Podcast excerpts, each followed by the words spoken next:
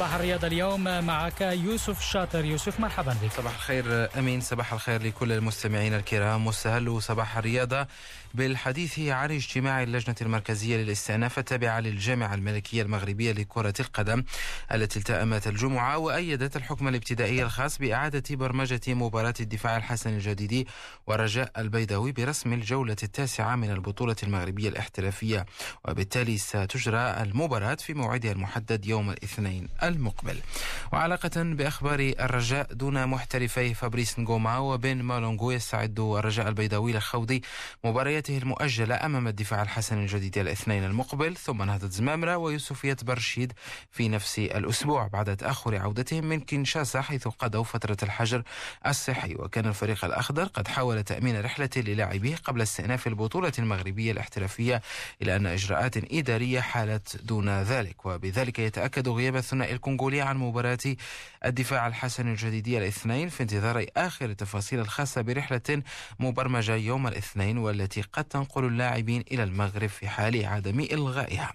هذا وتشهد مباراة الدفاع الحسن الجديدي أيضا غياب المدرب جمال السلامي بسبب الإيقاف كما يغيب مساعده الأول يوسف السفري الذي يعيش فترة حجر صحي بمنزله بعد مخالطته لأحد المصابين بفيروس كورونا ليصبح المساعد الثاني للسلامي هشام أبو شروان هو المدرب الأول في مباراة الدفاع الحسني الجديدي في تونس أعلن رضا الشرف الدين رئيسا اللجنة الرياضية الساحلية عن عودة المدرب الفرنسي روجيه لومير إلى مدينة سوسة مطلع الأسبوع المقبل للإشراف مجددا على العرضة التقنية للنادي.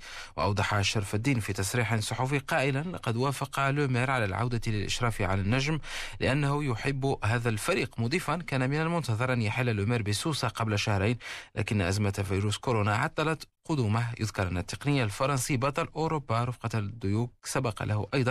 تدريب النجم الساحلي قبل سنوات.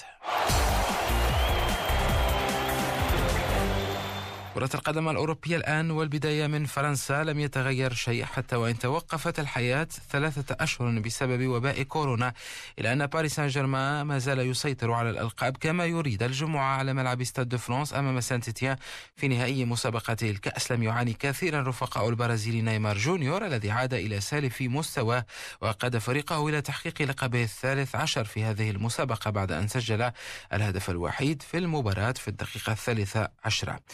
اللقاء الذي اتسم بندية كبيرة خاصة في الشوط الأول شهد إصابة خطيرة للفرنسي كيليان مبابي مهاجم ال PSG الذي أصيب إثر تدخل قوي لقائد سانتيتيان لويك بيران الذي طرد في آخر مباراة في مساره وهو الذي أعلن اعتزاله بنهاية هذا الموسم. هذه الإصابة قد تمنع مبابي من الحضور في ربع نهائي دوري أبطال أوروبا أمام أتلانتا الإيطالي في الثاني عشر من غشت المقبل قبل وعلى ذكر أتلانتا في إيطاليا.